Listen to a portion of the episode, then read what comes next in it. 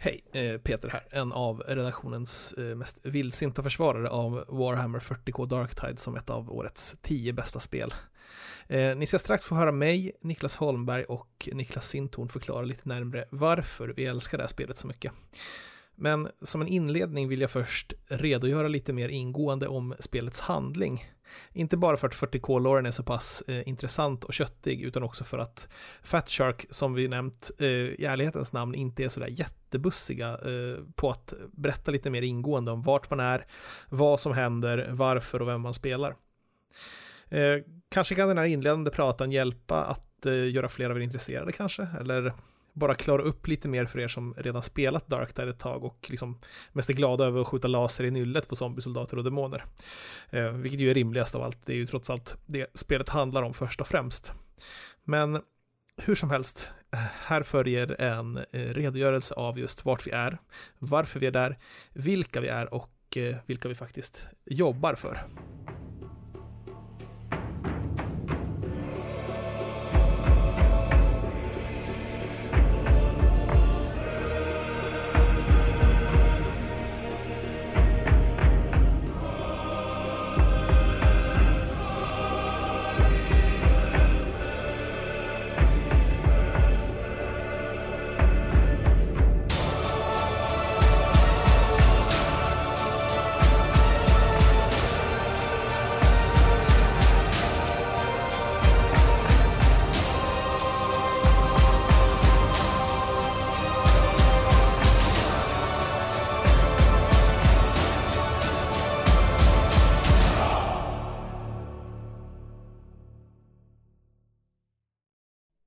In its hubris, mankind claims dominion over the galaxy.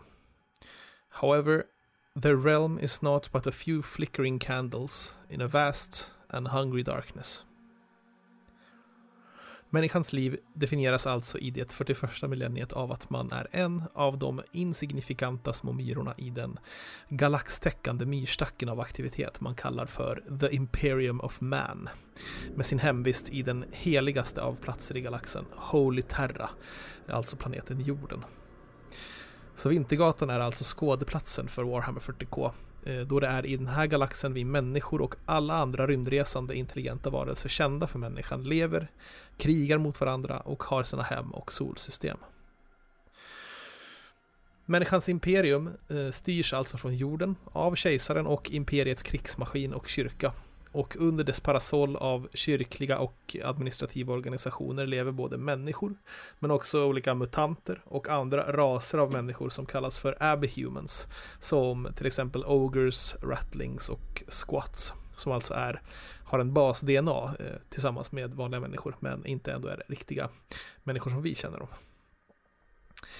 Ett av alla de andra eh, solsystemen som faller under kejsarens styre eh, är The Mobian Domain, en viktig och delvis självstyrande region som består av en handfull betydelsefulla planeter som producerar oerhörda mängder viktiga resurser till imperiet i form av vapen, fordon, soldater och allt annat man kan behöva för att eh, förinta allting som inte är del av imperiet. Då.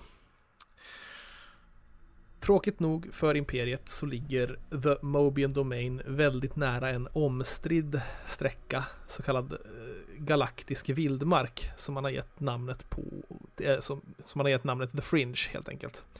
Och själva konflikten där då, det omstridda, eh, kallas för The Fringe War. Som är ett krig, eh, bara ett av dem i den larviga mängden av pågående konflikter människan har att stå i runt om i galaxen. The Fringe War har under århundraden utkämpats av främst Imperiets militär som utgår från just The Mobian Domain och eh, främst dess stora huvudplanet Atoma Prime då, eh, täckt av så kallade Hive Cities där miljarder och åter miljarder människor lever sina liv. De flesta medborgarna där är tacksamt ovetande om vad som pågår nästgårds i utkanten av solsystemet Eh, i The Fringe då. Och de flesta vet bara att soldaterna lämnar planeten på löpande band för att slå tillbaka något som de kallar The Dark Tide. Det här är liksom ett suddigt hot som finns där ute som de har bara hört talas om lite på avkant och genom propagandan och sånt där. Och det är nog bäst så. För det är inte många som skulle åka ut till The Fringe och ställa sig mot fienden om de visste vad som fanns där ute. Så tack vare just den kejserliga propagandamaskinen och eh, så är de flesta ganska ignoranta till det här och de tar värmning och skeppas iväg dit utan att riktigt veta vad det är de ska slåss emot. Det är ju som bekant enklast så. Soldaterna är alltså del av The Mobian Regiment, vilket alltså är en, av, en officiell del av Astra Militarum, eh, mer känt som The Imperial Guard, eh, galaxens största enhetliga krigsmaskin och imperiets primära stridande trupper. De skickas sedan iväg i strid och får snabbt erfara där borta vilka fasor rymden har att erbjuda i form av utomjordiska monster och kaosgudarnas domäner. Vars enda mål i princip då är att släcka allt hopp eh, och liv som finns vart än kejsarens ljus brinner runt om i galaxen. Och Eh, när de som miljarder av andra människor slängs ner i köttkvarnen som är verkligheten i Warhammer 40Ks universum så lär de sig dels att slåss för sina liv varje minut de har kvar av det och hur lite de är värda eh, och att dö en ärofull död eh, förmodligen är liksom det bästa som de kan göra med sin existens. För de som överlever sina strider eh, eh så resulterar detta istället oftast i psykologiskt och fysiskt trauma som liksom inte går att föreställa sig. Många blir bittra och hatfyllda, de som är kapabla till det. Och så till den milda grad att liksom man känner inte igen de här människorna när de kommer hem. Det är inte liksom samma person som kommer hem efter det där. Ett tredje alternativ eh, som också händer däremot, eh, utöver död eller att vara förstörd för livet så är det att man troligtvis är också det värsta av det alla kanske utsätts för den maligna kraft som finns i The Warp, eh, känns som The Immaterium, den andra dimensionen som finns bakom verklighetens slöja och är kaosgudarnas och magins hemvist som psykers och annat kanaliserar sin kraft ifrån. The Mobian Sixth är alltså ett av regementen som utgår från Atoma Prime och de blev eh, faktiskt på hemmaplan, Atoma Prime alltså, eh, förförda och korrumperade i sin helhet av kaos, en av kaosets fyra gudar, Nurgle. När de fick i uppdrag att slå tillbaka ett uppror på hemplaneten. Under krigets gång, alltså under The Fringe Wars gång, så har eh, kaosets influenser mer och mer infekterat Hivestaden Tertium, eh, där eh, spelet alltså utspelar sig. En kaoskult som heter The Admonition eh, har till slut fått nog med följare och resurser efter århundraden att kunna släppa lös en zombiepest som snabbt spridit sig och lamslagit delar av staden. Och den första åtgärden då blev alltså att eh, skicka in The Mobian Sixt för att ta itu med kulten eh, där nere i, i eh, i, i the bowels eh, av staden. Vilket alltså däremot eh, fick motsatt effekt. För nu är regementet ihopslaget med kulten, The Admonition, och de är tillsammans ute efter att föra vidare Nurgles gospel och de djupare sanningar som de tror sig ha hittat i förruttnelsen och sjukdomens gud. För dem är det enda sättet att slå sig fri från kejsarens klovar just att omfamna döden och förruttnelsen som i deras ögon nu är vägen eh, allting levande av naturliga skäl då ska vandra. Allting dör. Det komposterar, förruttnar och återuppstår i Nurgles nåder. Han är alltså för dem inte förruttnelse och sjukdom lika mycket som han är en symbol för att uthärda, att överleva och acceptera livets enda sanna gång. Liksom kejsarens lilla 10 000-åriga imperium och traditioner är skrattretande, om ens det, i jämförelse med den här tidlösa sanningen som Nurgle nu har visat dem. Så något riktigt, riktigt otäckt håller på att uh, bubbla nere i Tertians innanmäte och något måste göras åt saken. När korruption och kätteri uppstår någonstans i kejsarens eh, krigsmaskin så finns det liksom bara en sak att göra och det här är en pålitlig och välbeprövad åtgärd. Man ringer helt enkelt inkvisitionen. Inkvisitionen kan väl med våra referenser enklast beskrivas som kejsarens hemliga polis, alltså den imperiella versionen av Gestapo eller Stasi, men där varje officer istället har oändliga resurser och flottor av rymdskepp och stridande regementen till sitt förfogande. Organisatoriskt sett är de också förstås helt fristående från resten av imperiet och de svarar bara till kejsaren själv. Så det här öppnar ju dörrar och möjliggör ett eh, lite mer strömlinjeformat arbetssätt om man säger så vad gäller utrotandet av kättare. I sig själv är inkvisitionen också uppdelad i tre ordens samfund då, beroende på vilken typ av fiende de ska bekämpa. Ordo Malleus för demoner, Ordo Hereticus för mänskliga kättare och Ordo Senos för eh, utomjordingar beroende på vilken förgrening av inkvisitionen man skickar ut så har de lite olika möjligheter och vilka resurser de kan åkalla där. Och kan kalla in de välkända Grey Knights då. Ordocenos eh, kan äh, använda sig av Death Watch och Reticus förlitar sig på Adepta Sororitas, mer kända som Sisterhood och Sisters of Battle till exempel. Um, det som har hänt på Atoma Prime och i Tertium har alltså tilldelats en av inkvisitionens agenter, Inquisitor Grendyl. Jag har i min eh, alltså ganska blygsamma kunskap om 40K-universumet inte lyckats identifiera vilken orden Grendel skulle tillhöra. Det kanske finns några så här ikoner eller så som någon eh, bikaraktär har på sin rustning eller något som skulle peka mot att det är någon typ av eh, orden här. Det får gärna någon upplysa mig om, om jag har missat. Men man får liksom anta, tror jag, att, att det rör sig om Ordomallius här. Eh, mer kanske, men mer kanske troligtvis än Hereticus eftersom det inte är någon större demonnärvaro nu. Det är liksom mest människor och, och zombies man har att göra med. Och sen ett par liksom Beast of Nurgle och sånt där finns ju och någon demonnärvaro och så. Men det är liksom inte overrun av demoner så jag skulle tro att Hereticus är mer troligt.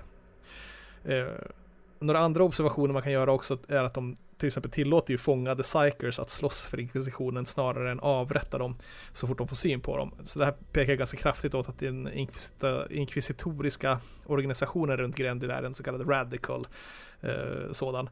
Att de har liksom tillvägagångssätt, eh, inkvisitionen har, eh, snarare deras tillvägagångssätt att bekämpa fienden är eh, liksom att använda eld för att bekämpa eld och så vidare. Sen så finns det ju andra mycket mer hårdraget konservativa förgreningar utav inkvisitionen där så fort de ser en kättare så ska kättaren dö helt enkelt. Men eftersom du har infångade psykers som de bara släpper lös på fienden så är det nog en radikal förgrening av Ordo Hereticus då. Eh, och de har ju precis när spelet börjar blåst in i omloppsbana runt Atoma Prime och styr upp liksom ett motstånd mot kultisterna och förrädarregementet, då som de kallas, The Mobian Sixth, som utgör eh, det, det stora hotet då nere i källardelarna utav staden. Eh, det vi upplever i spelet eh, när vi spelar är förmodligen liksom den inledande och lite trevande eh, försöket att slå tillbaka kulten med så lite resurser som möjligt för att se till lite, alltså att mäta motståndskraften då om man säger. Man rekryterar värdelösa desperata soldater och slänger dem mot fienden för att se vad de får för effekt helt enkelt. Och det är dessa soldater man spelar i Darktide. Alltså inte mycket mer än glorifierade kanariefåglar som man skickar ner i en gruva för att se om de dör eller inte då. Eh, vad som sedan händer får vi ju se eh, ju mer spelet utvecklar sig. Men en sak som är säker är att inkvisitionen på ett eller annat sätt kommer att segra. Om kulten visar sig vara för stark och sprider sig över planeten ännu mer så kommer man förmodligen verkligen att ta lite mer drastiska åtgärder då, vilket är att kalla in eh, någon, någon Space Marine kapitel man har till sitt förfogande eller liksom tyngre, tyngre eldkraft från omloppsbana.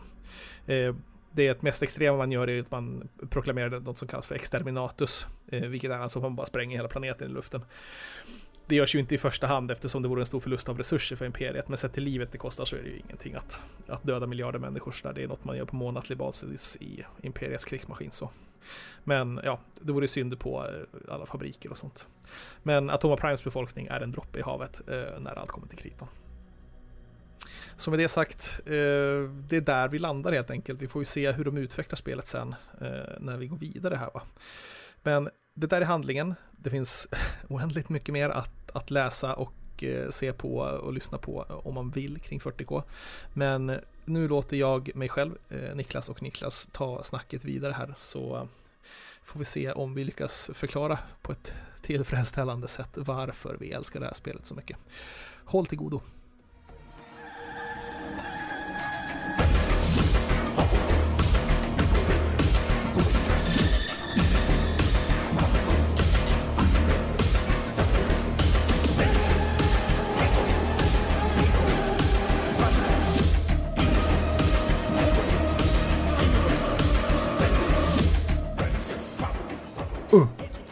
Uh. Ja, bra.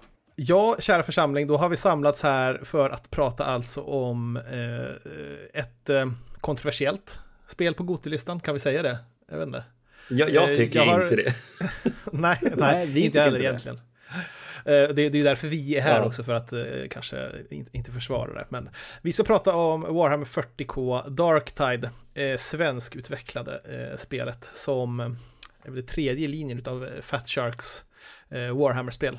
Mm. Eh, kändes som att de värmde upp i två spel innan de gjorde det här mm. riktiga Warhammer. Ja, det, det känns. Fått bli ett spel. Även om jag gillar fantasy mer så, ja fan vad bra det här är. 40K är, är, speciellt och det är väl del av anledningen till varför vi tycker att det, spelet är så speciellt också. Um, men som vi sa där, uh, att det var lite som att det här spelet tryckte ut Tinic in i listan. Det tyckte Ludde i alla fall. Uh, de flesta av oss tyckte att det här förtjänade, och då blev det ju listan som mm. det blev liksom. Men um, kritiken var väl att det här bara skulle vara något slags vanligt FPS-spel, att det liksom är mm. Men det här är ett, jag tycker det är ett ovan, ovanligt spel på vissa sätt och sen kanske det har sina quirks som gör att det är väldigt speciellt. Men uh, om jag lämnar ordet till er då, Niklas och Niklas som är med, uh, som jag, ni, ni hörde säkert, så här, men uh, mina medhjälpare i den här podden. Varför är det så speciellt och bra? Alltså, vart ska vi börja dra i? Ja, vad fan är det som gör det så bra? Alltså, det här är ett sånt där typiskt spel som, som jag har liksom så svårt att hitta fel med. Även fast det är massor med fel Det är jättemycket fel på det. Liksom sådär. Och det är jättebuggigt. Det är jättebuggigt. Och, och liksom saknar det, funktioner. Ja, precis. Och, och, Men det är liksom varenda gång jag har spelat det så sitter jag ner och så bara, alltså det, det är för bra. Det är för roligt. Det är så jävla kul att bara mörsa ner fucking heretics med sina kompisar och bara kötta igenom den här skitiga staden och gera upp sina mm. karaktärer och liksom ja, men bara insupa den här världen som man får befinna sig i. Mm. Eh, kopplat till ett tight jävla gameplay. Mm. Jag tror att det är väl det för att det, the basics är där liksom ja. på det bästa av sätt. Mm. Och de sitter... har ju, precis som eh, Pajlen säger, har ju en otrolig bara en stämning liksom. Från, från liksom grafik, eh, grafik och ljud till, till eh, atmosfär och, och, så. och det behöver inte vara man behöver liksom inte gilla Warhammer 40 000. Man behöver inte ens känna till Warhammer 40 000 tror jag. Nej, men jag gör ju inte det. Att, nej, precis. Just det, det gör du inte. Det är ju det är, det är jag och Peter som, som, eller framförallt Peter som har koll på. Mm. Um, utan man kan ju bara sup, insupa den här sjuka världen liksom. Uh, och den sjuka stämningen som, uh, det är någonting där som det är parat med det här köttiga gameplayet. Mm. För Warhammer signum är lite att det är kött riktigt grimdark. Mm. mm. Liksom. Ordet grimdark är det verkligen. Jag tror att, alltså, för, för något som är så, så, så eh, liksom markant med 40K och eh, samtidigt med det här spelet också, att när man, när man ser det så fattar man det på något sätt. Mm. Att det här är någonting i hästväg liksom. Och det här spelet är ju visuellt och, alltså audiovisuellt och grafiskt liksom, eh, något i hästväg. Mm. Ja, men det är det När man verkligen. tittar på miljöerna och hur det ser ut och hur det låter och man bara den här jävla orgelmusiken ja. till de här katedralliknande rymdskeppen. Nu, och, hur är det nu, Grimdark, alltså det konceptet det är från Warhammer 40K va? Alltså det är väl taglinen uh, In the grim darkness of the far future there is only Exakt. war. There is eh, only war ja. Jag tror, tror att liksom begreppet ja. Grimdark kommer därifrån. Det är i alla fall tätt förknippat med Mm. Det är mer liksom. Det är, det är ju på något sätt bland de första gångerna man exponerades för något som var grimdark på det sättet. Liksom. Mm. Ultravåldsamt, jättemörkt, cyniskt. Mm. Och eh, ja, tilltalande. Var, varför är det så tilltalande? Jag vet inte. Jag vet inte. Det är, man älskar det, brutaliteten i det. Men det är någon så här och samtidigt, höjden av eskapism på något sätt. Ja, ja det är så, för det är så främmande också. Ja. Så att det liksom är... Eh, the numbers eh, kring det också gör ju att det, att det är så fantastiskt och så långt borta. Att det, liksom, det här är ju ren fantasi. Det är ju liksom, mm. precis som Star Wars är mer fantasy än science mm. fiction, mm. så är det här också fantasy mer än science mm. fiction. Det, det, är liksom inte år 3000, det är år exakt. 40 000, mm. det är 39 000 år, eller år, ja. år 41 någonting, ja, 41, ja, 39 000 år in i framtiden. Liksom. Ja, när det utspelar sig eh, typ eh, Demolition Man eller något så här, är det 2020 eller något? Ja, men, så här, hoppa fram svin lite i tiden och allt är helt annorlunda. Nej, det här är liksom där, det 40 millenniet av mänsklighetens historia. Och liksom vi har koloniserat i princip, det är väl vi hela Vintergatan och sånt där, kanske finns andra system till och med, jag vet inte exakt hur, hur det ser ut, nej men det är väl galaxen. Mm. Eh, och eh, alltså mängden människor det finns och så här, det, det, det, är bara sådana omöjliga siffror mm. att liksom, mänskligt liv har inget värde. Det är bara som ammunition. med, med, mm. mänskliga liv in i apparaten som är imperiet som bara ska krossa och ta över hela universum mm. i kejsarens namn. Det är så jävla överdrivet och sjukt alltså. alltså att man faller i pladask för det, det från första gången. Alltså det har man gjort sedan dess. Allt som har kommit i 40K har varit intressant. Men där spelar det speciellt i att det är första gången det är eh, ett FPS på det här sättet i, i teamplay och liksom att man har karaktärer i spelvärlden och är, är nere och köttar på marknivå nere liksom. Det är ändå ganska mm. sjukt att liksom det har kom, alltså, tagit så här lång tid att göra den här typen av spel. Ja, uh, det har ju funnits några Space Hulk-spel har det ju gjort. Ja.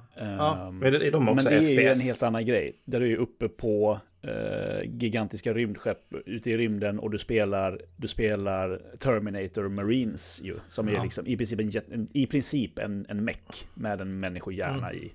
I princip. Ja. Uh, och mm. du bara mörsar ner gigantiska livsfarliga alien-liknande varelser. Det här är ju mer att du är en, en vanlig snubbe med en spade Eh, som du hugger mm. andra eh, kaossnubbar med. Min trogna latrin shovel. Fan vad jag älskar. Mm.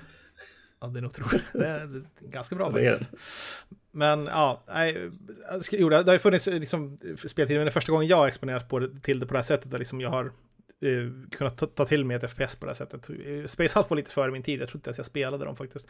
Sen så spelade väl du och jag Niklas också, vi spelade ju in en, en quick hit på ett annat Eh, och det var Death väl just... Wing, ja det är ju ett Space Death, Hulk. Ja, det är Space Hulk. Men det var ju inte så mycket med det. Men det hade ju lite Nej. liknande ambitioner, men det, det, var inte, det var inte superbra. Det var det inte. Nej, det var det inte. Det var väldigt så, så liksom bare bones. Mm. Eh, mm. Så.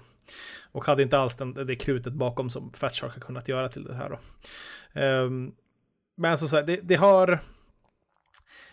För mig på något sätt talade till, det talade till den, den gamla gamern i mig också, i, i, alltså Windows 95 och Windows 2000 PC-gamern i mig, i att spel som var bra nog liksom satt man igenom trots att de var wonky och lite mm. buggiga. Mm. Det, var, det var en annan era av gaming där man liksom satt och bara, ah, okej, okay, fan, craftingen är lite konstig och liksom man förstår inte, man får bara figure it out helt enkelt. Och det får man ju göra i det här ja, spelet också verkligen. med alla jävla ikoner och liksom, man får göra lite groundwork för att fatta spelet så här. Allt serveras inte på en, på en liksom platter genom någon tutorial. Tutorialen är ju bara att man ska kötta sig igenom ett fängelse och sen så typ få lite combat basics typ. Mm.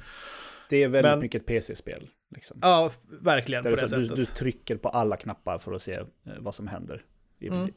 Och man känner man hela tiden att man har missat någonting. Ja. ja, ja. Och det, det kanske är det som typ gör, gör att man blir liksom baited att, att fortsätta spela det på något sätt. Men eh, jag vet inte, det här var tanken som slog mig bara att det, att det känns som ett klassiskt spel. Eh, mm. På något sätt. För någon som kommer från min spelbakgrund i alla fall. Mm. Som har köttat mycket så här konstiga PC-spel under tiden. Men eh, alltså sen. Eh, jag tycker också att det finns alltså en, en gameplay-loop som är väldigt addiktiv i det. Just att det här, det, fin det finns ju en, en regissör i spelet som jobbar hela tiden och gör att replayabilityn känns ju i princip infinite mm. nästan. Alla uppdrag, alltså det, det finns inte många olika upp, uppdrag egentligen. Men så finns det conditions som gör att de är annorlunda. Eh, liksom, du har en high engagement zone eller low engagement zone. Där så kan det vara att det finns mer av en typ av fiender eller sånt där. Eller så kan det vara beckmörkt på banan mm. också. Ja, den, den, den är fan hemsk alltså. Jag har inte fått ja, den. Är, ja, det blir helt annan stämning mm. alltså. Ficklampor måste med och så är det The Demon Spawns överallt. Mm.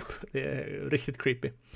Men sen också regissören som gör att, det, att Eh, du kan komma, triggra hordes lite här och där på olika sätt. Det är liksom en AI som liksom ser lite vad du håller på med och eh, försöker tajma in bra eh, fiender liksom.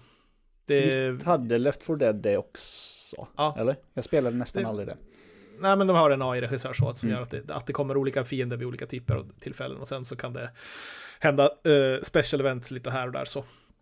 Och uh, vilket gör att det blir väldigt, sen så just att när man tar sig igenom det är alltid väldigt Sen så får man alltid en payoff i slutet tycker jag med final, finalen av att man ska fly. Mm. Alltså att springa ja. till droppskeppet skjutandes eh, mot massor av fiender liksom och, och, musiken stegrar sig och man får flyga därifrån. Humöret är liksom alltid på topp ja. när man har klarat av ett uppdrag. Ja, den där banan när man springer igenom den här, alltså det är som en tunnel och så kommer det liksom ut små hordes från sidan på den här ja. tunneln liksom. Man ser hela tiden hissen längst bort liksom. Ja, dit ska han. Och så har man bara bakom sig bara fullt med eh, liksom mobs som bara springer efter en och skriker. Ja. Och, ah, fan alltså det är alltid lika härligt där. Ja, och så, alltså, jag har ju en annan spelgrupp jag spelar med också. Vi har liksom, vi är ordlöst egentligen, för vi har ju spelat så mycket mm. spel tillsammans. Vi springer växelvis och liksom täcker varandra, mm. liksom lägger upp, en springer fram och ser man han vänder sig om och börjar skjuta, då vet jag att det är min tur att springa liksom. Mm. Så möljer vi ner, speciellt på svår, svårighetsgrad så är det liksom, ja. det, man kan verkligen bli stekt i slutet också om man inte mm. passar sig. Att, uh, regissören kan ju verkligen se till att verkligen fucka mm. om man, om, uh, i slutet också. Jag har inte heller stött på, inte ens liksom på de, nu har inte jag kört på svåraste svåraste, men Alltså så här, för man är medveten om regissören, även om den kanske inte känns så. Man vet att den är där. Uh, mm. Men jag tycker aldrig att jag blir, alltså så här, ja men det här är fucking unfair. Liksom. Nej. Nej. Det känns alltid det som kan... man har en chans. Liksom. Ja, man kan liksom göra ett misstag, man ja. kan gå in Absolut. i ett rum ibland och så kan man trigga och sen så bara helt plötsligt bara okej, okay, det är liksom fyra bulwarks i det här rummet mm. som står där med sina sköldar och bara, och bara eh, den här dörren stängdes, nu eh, står de bara och slår, slår mig till slarvsylta här med sina mm. klubbor, jag kan typ inte göra någonting, nu är jag död. Och de andra kan inte rädda mig heller och sen så händer typ samma sak för dem, så kommer en trapper, fångar en av dem, sen så är det kört. Mm. Och det är liksom bara sånt som händer uh, i spelet ibland. Och, uh, men det känns det känns också kul att, att spelet sätter det motståndet ibland. Jo, nej, Jag tycker inte att det har, det har känts eh, för unfair heller, utan det ska ju vara en utmaning. Jo, och det är liksom, alltså, ju, det finns ju Även där. om man misslyckas så ska man ju nästan klara det. Ja. Och det gör ja. man ju nästan alltid. Ja. Mm. Nej, det... det... är ofta vid de här um, uh, crunch pointsen som det, som det händer och uh, smäller till liksom att det går. Mm. Uh, annars kan man oftast ta sig fram och liksom barely get by även på de svåra, mm. svårighetsgraderna så, men man får, man får tänka mer. Jag tycker att svårighetsgraderna funkar skitbra också upp till liksom, ju, ju längre upp man kommer desto mer man märker att spelet kräver mer av en och, och att man måste tänka lite på hur man gör mm. och att eh, framförallt att man ska fylla sin roll på något sätt, att den um, det har spelet fått kritik för by the way, att typ eh, att Veteran som är den enda typ så här egentligen distansbaserade klassen som har jättekraftfulla eh, vet det, abilities och bra vapen liksom. Att de har också det bästa med livvapnet. För då ser man ofta Veterans mm. dra ett power sword och springa in och bara hyvla människor så här. Men han borde kanske istället jobba på avstånd och liksom göra det han är till för. Så, så det tänket finns lite också. Ja. Kanske inte det, men apropå klasserna då, eh, vad, vad, tycker vi om dem? Alltså finns det en bra balans här? Eller är det liksom jag har testat, jag har spelat mest uh, Zelot har jag gjort. Mm. Uh, för att jag tycker att det är väldigt skönt att inte behöva bry sig så mycket om ammo. Jag ska bara ha, jag har min pistol som jag kan använda då och då, men mest så ska jag veva med min yxa eller mm. mitt uh, chainsword mm. eller så. Jag fick en flamer dessutom, det var kul. En mm. eldkastare. Uh, som inte heller når så långt. den tycker jag är jäkligt kul för att den blir ju star du blir starkare ju närmare döden du är. Och hur mer, ju, ju, ju mer skadad du är, desto mer skada gör du också. Så man ska hela mm. tiden så hänga, hang on by a thread. Uh, och det är liksom hjärtat i halsgropen precis hela tiden. Uh, jämfört med Psyker som den, var den jag körde när vi körde tillsammans. Som var mycket mer så här, bara stå på avstånd och vara en, en glass cannon typ. Och rikta in mm. sig på specifika fiender. Jag gillar mer att vara framme och veva i smeten. Mm. Ja, för Psyken är väl typ allra kraftfullast mot special-karaktärer, va? Typ mm, alltså, den har ju, berserkers eller Precis, och han har en magi som gör liksom massiv skada på en.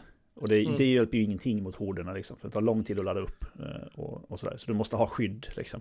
Men man måste också balansera där, man får liksom inte overloada sin magi i Nej. den vad jag förstår.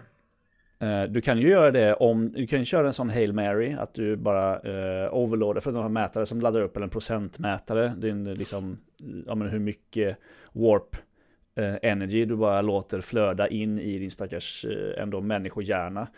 Mm. Och till slut blir det för mycket så exploderar du och dör. Men då tar du också mm. med dig, då blir det en jätteexplosion så du, tar med, du kan ta med dig liksom hur mycket fiender som helst. Du, skulle ju, du kan ju göra en, en sån riktig Hail Mary och bara offra ett liv på det. Det är jävla coolt det är alltså. Ja, det är det. Ja. Det är att, alltså, det, för det är ju väldigt så här on, ehm, alltså rätt enligt Lauren också, mm. att man, måste, man måste passa sig med the warp. Yep. Det är liksom inget man latchar med så, utan eh, det kommer att kräva någonting av det liksom. Så det är bra eh, gjort det. Uh, um, jag, jag har ju mest ja. spelat Ogrin. Uh, mm. För jag, jag kände så här, ja, jag spelade mycket Vermintide, jag vill vara inne och kötta. Så jag tar den största mm. jävla bjässen jag kan hitta. Mm. Uh, och liksom kör på med den. Um, och jag tycker ändå liksom det, det finns en variation liksom i alla klasser. De känns verkligen annorlunda. Vi har spelat lite Cellet mm. också. Jag har inte testat Psyker eller Veteran än. Um, uh, men just så här att, att bara kunna liksom ändra sin loadout och liksom så här, okej okay, jag har det här vapnet nu och jag har det här melee-vapnet och de känns väldigt annorlunda och hur de fungerar och hur de eh, kan liksom tackla olika situationer är mm. det, det, är väldigt roligt att se liksom, att det finns ett sånt djup i alla olika klasser och alla olika typer av vapen. Uh, för är det någon klass som har samma vapen? Har alla olika? Det varierar, alltså jag tror att jag, jag som veteran kan ha en del vapen som, som alla andra har också. Uh -huh. liksom. att jag, jag ska mm. också kunna ha en en eh, Bolter till exempel. Jag har inte fått en Bolter än. Det finns allmänna vapen och sen finns det, har varje klass specialvapen. Mm. Eh, då mm. har, ja men, eh, Psyken till exempel har ju eh, något jävla svärd som kan ladda in magi och man kan också ha eh, stavar med Psyken och mm. Zeloten kan ha, en enda som kan ha flamers tror jag. Till exempel mm. kastaren. Vad har veteranen då? Säkert någon sharpshooter-vapen av något slag. Ja, jag har, min veteran har jag ju. Jag, jag körde också Ogrim först, så här, men sen har jag kört en veteran högre upp med, med den andra gruppen. Eh, där har jag en med plasmagun. Det kanske är speciellt. Det tror jag inte det, man har med någon annan. Nej, nej det låter som... Den har också lite som warpen där, att man laddar upp den, ju varmare den är desto mer skada gör den, men den får inte bli för varm. Och du måste ventilera den ibland. Och när du ventilerar den tar du skada, för du typ, för du typ öppnar en lucka på det i princip och den bara sprutar ut värme. Så, så du får ja, vad coolt alltså. ja, men ja, den är också så här, det är den one-shot, alltså du smälter eh, vissa fiender med bara ett skott. Mm. Så. Och den alltså ljudet på den bössan ja. är, är helt magiskt. Det är det, man känner som att man håller i någon vibrerande helvete liksom. Bara så det här kan typ förgöra alla runt omkring mig om den sprängs. Eh, livsfarligt. Så är det också. Vi, vi konstaterade när vi spelade också att det, den skulle vara lika farlig som i spelet. Att det, det är en på sex att du dör när du använder den.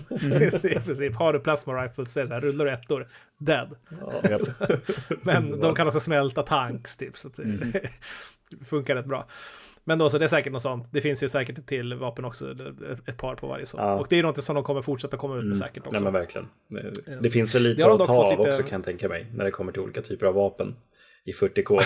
ja, precis. Alltså ur låren, ja, ja, gud. Ja, fan. Det, de skulle kunna fortsätta hur länge som helst. De har fått lite kritik för att det har stått stilla ett tag nu, mm. så folk är väldigt otåliga. Att, att, att, det har liksom inte kommit ut något nytt eh, content. Det enda som kommer ut är cosmetics mm. egentligen. Uh, att, uh, det var typ de sa att de skulle hålla det här levande. Början på december ja. vi hade senaste patchen. Liksom. Mm. Så mm. Det, det är ett tag sedan.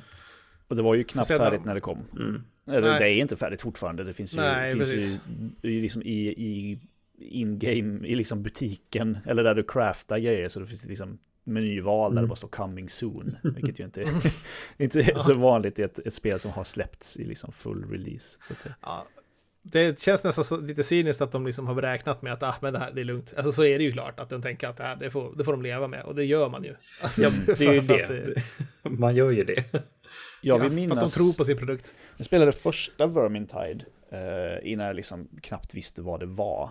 Mm. och, och vill minnas att det var så förvirrande att liksom, man visste knappt hur man skulle göra någonting i det spelet. För att det, det var inte färdigt, det var inte heller färdigt. Liksom. De, de, det känns som att de släpper sina spel när de kan. Mm. Uh, det här har ändå blivit försenat ett och ett halvt år eller något sånt mm. där, PGA-pandemi. Uh, och sen så bara fixar de det sen. och det verkar som ja. att deras publik ändå köper det. Det kanske är fråga, bara en fråga om att gå runt också, det är en överlevnad att vi måste släppa det här ja, nu för att vi säkert. måste få in cashen. Ja. Alltså, det, är ju en cutthroat business, så är det ju. Ja. Och äh, men alltså, ja, det är, ju, det är ju lite pajigt att det står coming soon, liksom så här långt efter, efter eh, release. Liksom. det är ju inte ett, det är liksom den omvända varianten av, det finns spel som är, har varit stenklara i tre år som fortfarande är early access. Mm, liksom. Mm, mm. Bara för att de kör på den modellen, liksom att ah, vi mjölkar early access ett tag till. Bara så släppa Magnum Opusen. Här istället bara, vi har en idé, vi släpper idén. Sen bara så matar vi på och fyller på med grejer. Yep. liksom, that's fair enough också, för den är bra nog den här idén, liksom, att, att uh, vilja betala för att spela. Jag vet inte, uh, lite som jag funkar, alltså hade det stått early access på det här, då hade jag inte skaffat det. Nej, troligtvis inte. Kanske. Jag köper aldrig early access-spel, för jag i och för sig 40K, liksom, jag, hade nog, jag hade nog tagit ja. hem det liksom så här, och suttit och eh, nött. Men det hade lätt kunnat vara early access. Så. Ja, det verkligen. Men, ja, men, men craftingen då just och vapen och utrustning, liksom, har, har ni craftingen är egentligen bara andra valutor man samlar på Ja. sig och sen så kan man liksom ändra färg på ett vapen. Jag har gjort det upp till, jag har två, jag har ett, perp, ett lila melee och eh, avståndsvapen nu. Mm. Som har liksom, de har lite bättre, alltså de har en extra stat, eller så här en extra En perk, va? ability Mm. liksom. Ja, perk, Mm, de får lite bättre stats och så en, en ability per sån level Mm. tror jag. Sen vet jag inte om det finns liksom så legendaries och sånt sen. Jag har ingen aning. Ingen av oss har kommit Ja, så och- långt. Jag tror jag har De också går upp en bit lila. till, du kan, du kan öka från lila upp till legendary också. Men så att säga, Mm. kanske att det, att det kommer ännu mer, det har, det har jag inte sett faktiskt. Nej.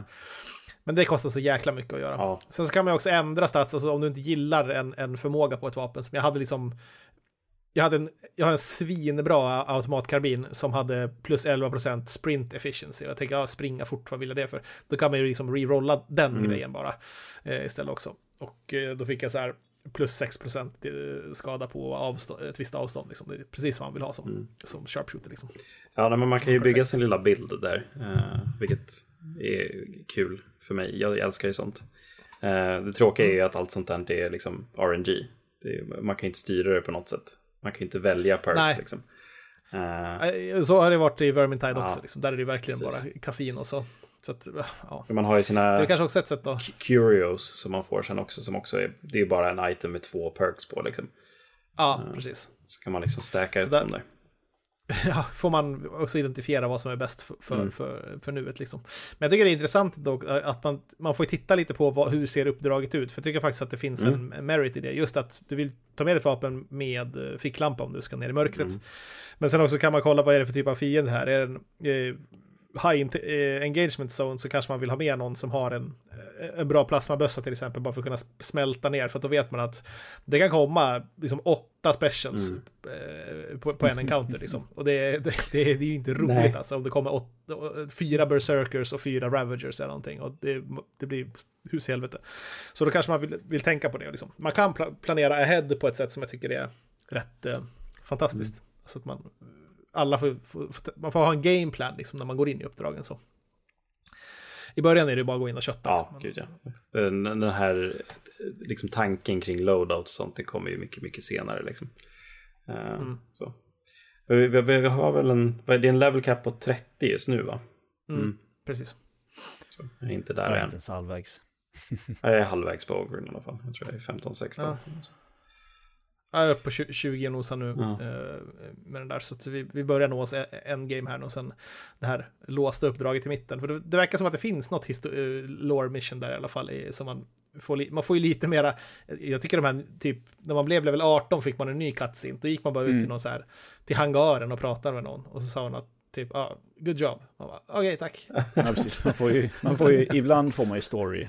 Ja. Ja, men det är typ Nej, ingenting det är det väldigt så. sparsmakat. Jag tycker dock att de är jävligt roliga på min Ogrin, för han måste alltid sätta sig på knä för att prata med folk. Ah, det ser alltid så kul ut. Det där är de, är de ju så jävla bra eh, på dock, i just att det så här, om man ska ta det om Lawrence här, att de, de är väldigt bra på att gestalta världen och säga saker utan att säga saker på något sätt. Alltså, för, för, alltså som vi sa om, om spelet, hur, hur, hur 40K är och hur, hur det här spelet är, alltså, hur, hur det ser ut, säger jättemycket. Mm. mm. Alltså ty- typ, det, det är så jävla episkt och stort och saker som händer i spelet och liksom, saker karaktärerna säger är liksom inbakat på något sätt. Eh, som gör att man tillåts fylla i blanks snarare kanske, speciellt för oss som är kanske bekanta med, med 40K. Mm. Att det liksom är lite caterat till den crowden. På ett Mm, sätt. ja, men det verkligen. Eh, Det är det. Jag kan tänka mig att man ser lite mer nyanser som, ja, men som ni två. Liksom. Så. Mm. eh, jag, jag vet inte riktigt, jag fyller i någonting men jag vet inte riktigt vad. nej. Mm. Men det, är- det, är så, det är så compelling att man ändå gör det. Det är Ja. inte så att man tröttnar, för att man, man ser ju att det här har ju någonting. Liksom. Mm. Så att, ehm, ja. Det är alltså, det är, nu i, i inledningen av den här podden så läste jag upp, eh, berättade lite vad spelet handlar om också. Liksom, för att det, det kanske, bara som en tjänst om folk är sugna på det här spelet också kanske, att liksom fa- fatta lite vad, vad det handlar om. Men ehm, det, det, det kunde de gjort bättre. Dessutom med tanke på hur, som vi, vi tog ju det här i podden, eh, Mm. vanliga podden också när vi pratade om spelet, att, att de, det fanns en opportunity här. Men det är också något så, som de har eh, sparat in på lite känns det Mm. som, för att vi måste släppa det liksom. Sen så har de eh, strykt över det lite mer. Det var efteråt. inte mycket till story i Vermintide heller. Nej, Nej, det var inte. Var inte. Tyvärr, de har ju hur mycket, hur mycket eh, lore som helst. Alltså, ja. verkligen. Det, det, ett, ett av de här universumen som har bara, du kan ösa hur mycket som helst. Liksom. Ja, det, det, det, finns lite att ta av liksom. Ja. ja. Mm. Ja, det är helt otroligt mycket. Alltså, även fantasy där så har du ju massor med, med böcker. Du har ju liksom läst bara Gottrick och Felix böckerna så har man liksom väldigt mycket information om hur, hur den där världen ser ut. Liksom. Mm. Men jag vet inte, kanske räkna med att man har, har, har, gjort det, liksom att man kan fylla i de där grejerna själv. Eh, ja. och det kan man i viss mån, eller information finns där ute liksom, om, om man vill läsa det. Mm. Men eh, tillbaka till spelet då, alltså hur, eh, när man spelar, vi har ju pratat om fienderna eh, ganska mycket där, men vad, vad, eh, vad tycker ni om liksom fienderna och svårighetsgraden eh, utav det?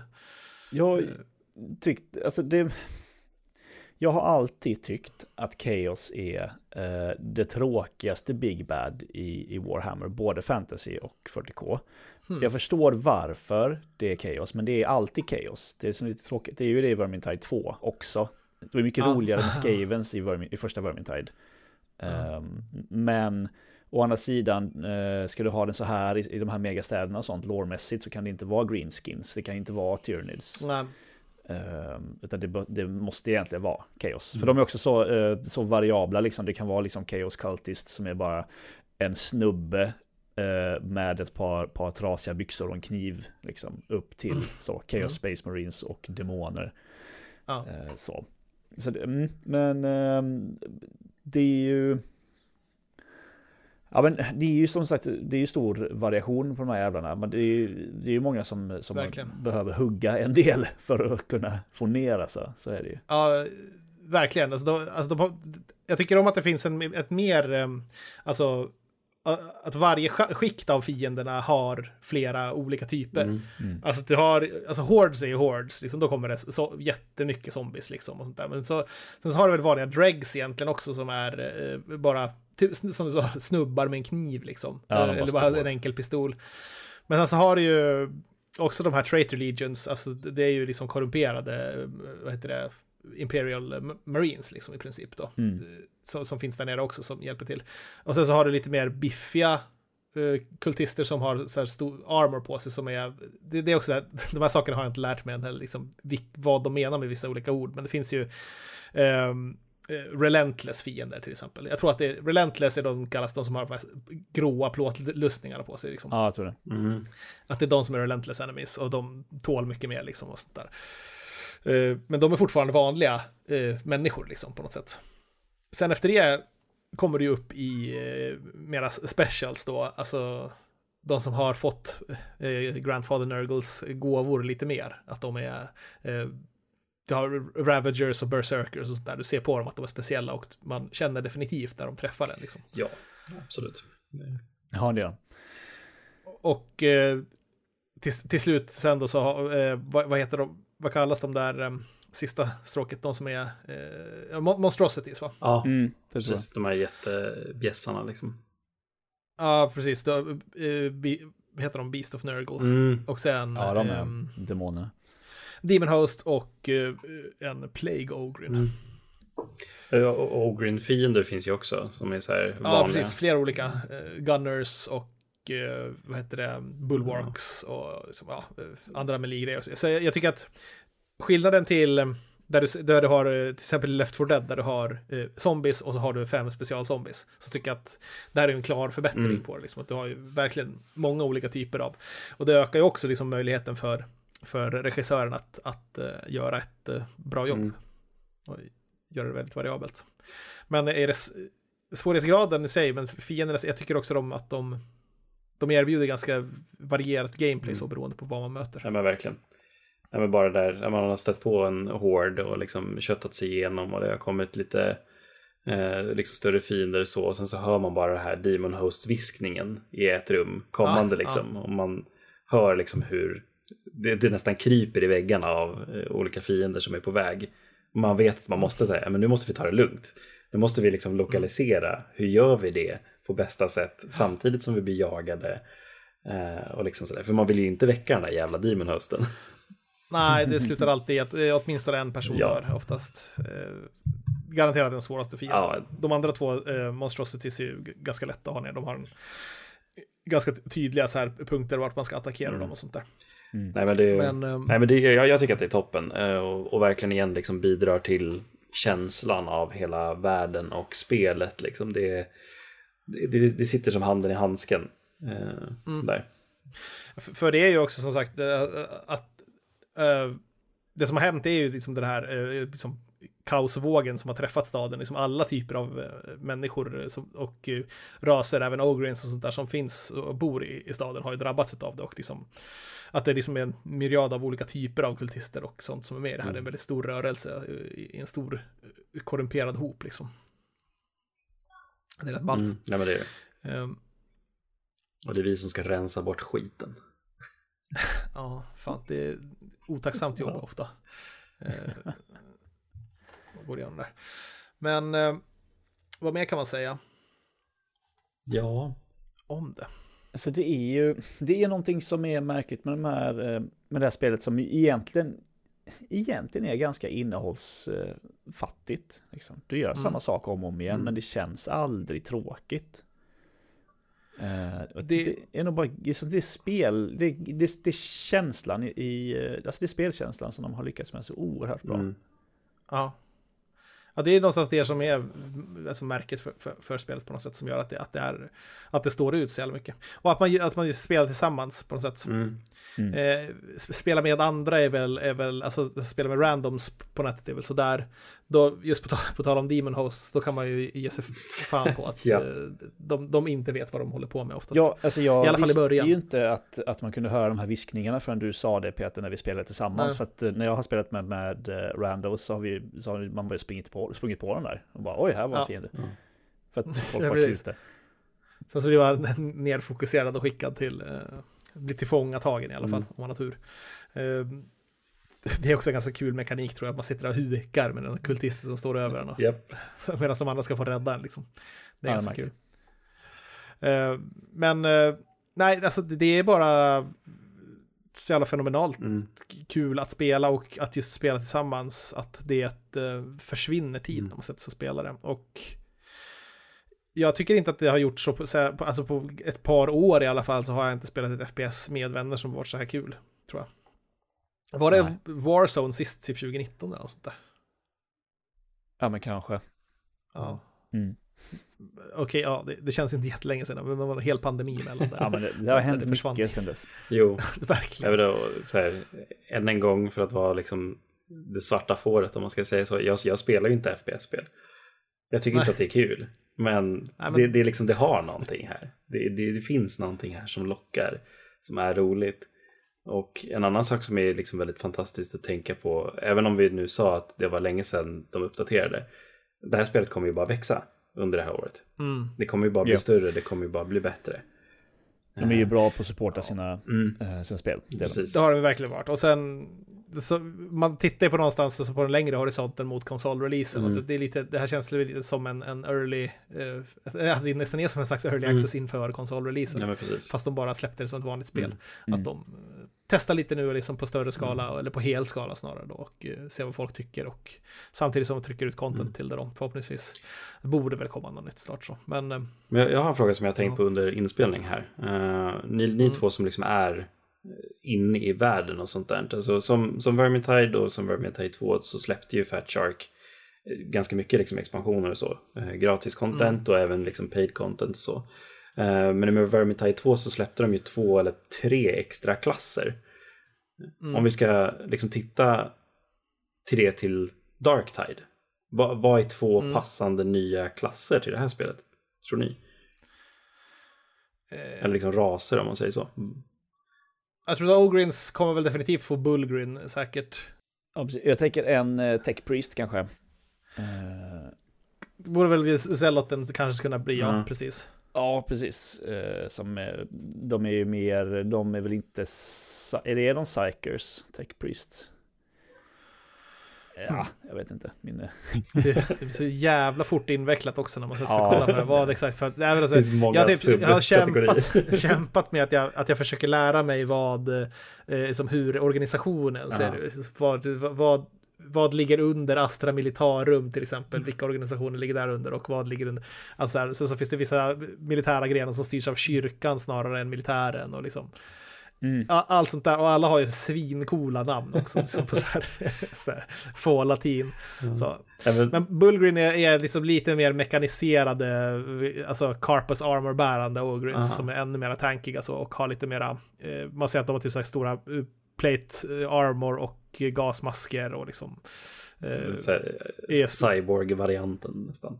Ja, typ Walking Fortress-varianten ja. av Ogrins, så, så säkert skulle kunna vara bra där. Det finns ju uh, lönnmördarna också i, i uh, Imperial Guard. Ja. Ju. De är väl fyra stycken olika sorters, tror jag. Någon sniper, någon liksom, någon sån stealthy ja. med knivar och, och sådär. Så har vi ju... Assassins är för högt upp för att man skulle kunna spela dem tror jag. Alltså de är ja, så sinnes, sinnessjukt rare. Alltså att, att skicka ut en, en ja, Kulexus mm. Assassin hit eller något sånt där för att göra något jobb eh, är all, alldeles för mycket resurser för, för att skicka ut en sån. Man skickar hellre så här hundratusentals människor till sin död än att skicka en sån Assassin. Typ. ja, det är sant. de är... lite som, som du nämnde förut Niklas, så säger, det skulle vara skitcoolt att ha en green skin. Men det hade ju fan inte mm. passat in i settingen. Nej. Det hade ju sett jättekonstigt ut om det, ja, vi springer där med våra psyker, det kommer en cellot och det är en ogrin och sådär. Och så kommer en jävla ork. liksom så. Det, det, hade inte riktigt passat in. På så det hade liksom skärt sig på något sätt med spelets eh, estetik om man säger så. Uh, mm. ja, men det, ja, jag vet inte. Det, det, det, ska bli kul att se vad de gör för jag tror definitivt att det kommer komma uh, liksom någonting liknande. Jag tror att de borrar. Jag tror, jag, jag tror också, för det, det gjorde det ju senare ja. också, typ att alla klasser, klasser fick en egen. Och det känns nästan som att det finns något i i det, hur, hur skillträdet mm. ser ut, att det skulle kunna öppnas till att bli någonting eh, mycket större också. Så det tror jag absolut att det gör. Eh, det händer... så kommer... Ja, sorry. När kör du? Jo, det, det händer ju att jag, eller ganska ofta, varje gång vi pratar om Warhammer så uh, trillar jag in på Games Workshop-sajt uh, och kollar hur ser modellerna ja. ut nu för tiden och man bara fuck. Um, jag får inte börja. Jag såg här att det finns, det finns någonting nu som heter, uh, som jag aldrig har sett uh, när jag spelade Warhammer. För det var ju third edition jag spelade. Second um. först, först, och sen när third edition kom, det var då ungefär då jag började spela. Det finns något som heter Jokaero, uh, som är en jävla orangutang. Ja, just det. Jo, en sån skulle jag vilja se. Det har jag aldrig sett. ja, jag såg också någon som mimade om det där. Det skulle vara svincoolt om man hade med en sån. Ja. Uh, det, skulle jag gilla ändå. Jag tycker om, för att det finns ju ändå utrymme att vara jättesillig i. Ja, gud ja. Också. 40K har jättemycket humor mitt i all Grimdark mm. liksom. Ja. Och det nästan måste vara där för att balansera upp det. Alltså det måste vara silly. De är, de är det hör man hela tiden också. Orangutanger där, som är tekno, tekniksavanter. Ja. Och bara ja, fix, de, de fixar och meckar. Jag har aldrig sett. Do det måste vara nytt sen jag, sen jag spelade. Tror jag. En sån vill jag ha. Ja, det, det, skulle vara Springer runt med en stor skiftnyckel kunde... som melee-vapen. ja. Fan, kunna fixa massa grejer. Då skulle jag kunna sätta, kanske sätta ut så här eh, turrets och ja. så till exempel. Ja, det är fan nice. Jobba lite mer som en slags uh, Torbjörn i, i Overwatch. Eller nice. Ja, just det. Det, man kan göra. det skulle vara asballt. Ja. Ah, alltså, possibilities are endless. Mm. Jag tror att det skulle kunna komma ut med mycket mer saker och um, sen också äh, nya typer av missions och uh, allt sånt där lär ju dyka upp också mm. som känns jättespännande. Man har, jag tänker uh, spontant på Necromunda som ju utspelar sig i de här Hive, eller Mega, Mega City, mm. det heter. Mm. Det är ju uh, Pilen om du inte känner till. Det är ju liksom typ 40K i småskala. Att du, du spelar mm. gäng i liksom de här städerna mm. uh, som slåss mot varandra. Så har du kanske så fem karaktärer liksom istället för en armé. Yep. Mm. där kan man ju ja, lite hur mycket som helst. Precis, också. som en high-level figurspel alla D&D snarare. Mm. Alltså fast med i olika, alltså jätte, så har man terräng och sånt också. Använder 40 Kom, Kommer något sånt mm. Warhammer Necromunda-spel för några något år ja, sedan. det kom i, kanske inte 2022, men 2021 ja, kanske 2022 till och med. Det är någon sån här det tactical var nog, det var nog RPG. bra, har jag för mig. Jag har för mig att jag har hört ganska bra om det. Ja. Det fick helt okej okay kritik. Mm. Inte testat. Ja. Mm. Ja men nice, fan. Ja, det, det finns ju att ta av, som jag har sagt. Eh, liksom både lore-mässigt och utvecklingsmässigt. Det här spelet kan ju växa hur stort som helst egentligen, om de så vill. Mm. Eh, det är bra också på att liksom, jag tror att det, eh, alltså Games Workshop lär väl tycka om det att man eh, blir som roped in i världen mm. igen. Alltså, inte bara att man sitter och tittar på Games Workshop sajt eh, för att kolla vad som finns, utan jag, liksom, jag kollade senast idag, alltså lite på vad kostar det med färger och, Det är så dyrt. Herregud vad Games Workshop är dyrt. Mm, en sån här låda med typ eh, fyra gubbar går på 400 spänn och sen eh, färger, ja, 300 spänn det också. Sen. Mm. Så blir, man tänker, kunde man, liksom, när jag gick på CSN kunde jag köpa i, i sådana grejer. Så att när man, när man tjänar vuxna pengar så kan, finns det utrymme för att ja, men, men, Vi behöver fan. ingenting mer än Game Pass, för där finns ju Darktide. Så. Nej, exakt. ja, jag behöver ju ett, eh, ett Total War Warhammer fast 40K. Mm. gör de Total War, Warhammer 3, den här uh, Immortal Empires super mega uh, kampanjen. Gör mm. de det 40K så behöver man ingenting med sen.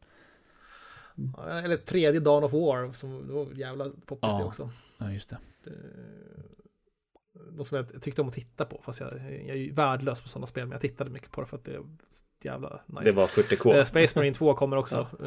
Just Precis, det. det är 40K. Det kommer ju i år. Det, ja. Jag har inte spelat ettan, men jag är skitpepp på tvåan. Ja, verkligen. Det är coolt att slåss mot Tyranids också. Yep. Eh, det är också en jä jäkla cool Big Bad. Så. Mm. Men jag tycker ju om Chaos som Big Bad och jag tycker att jag har alltid varit dragen till Chaos, både i, i bägge de här.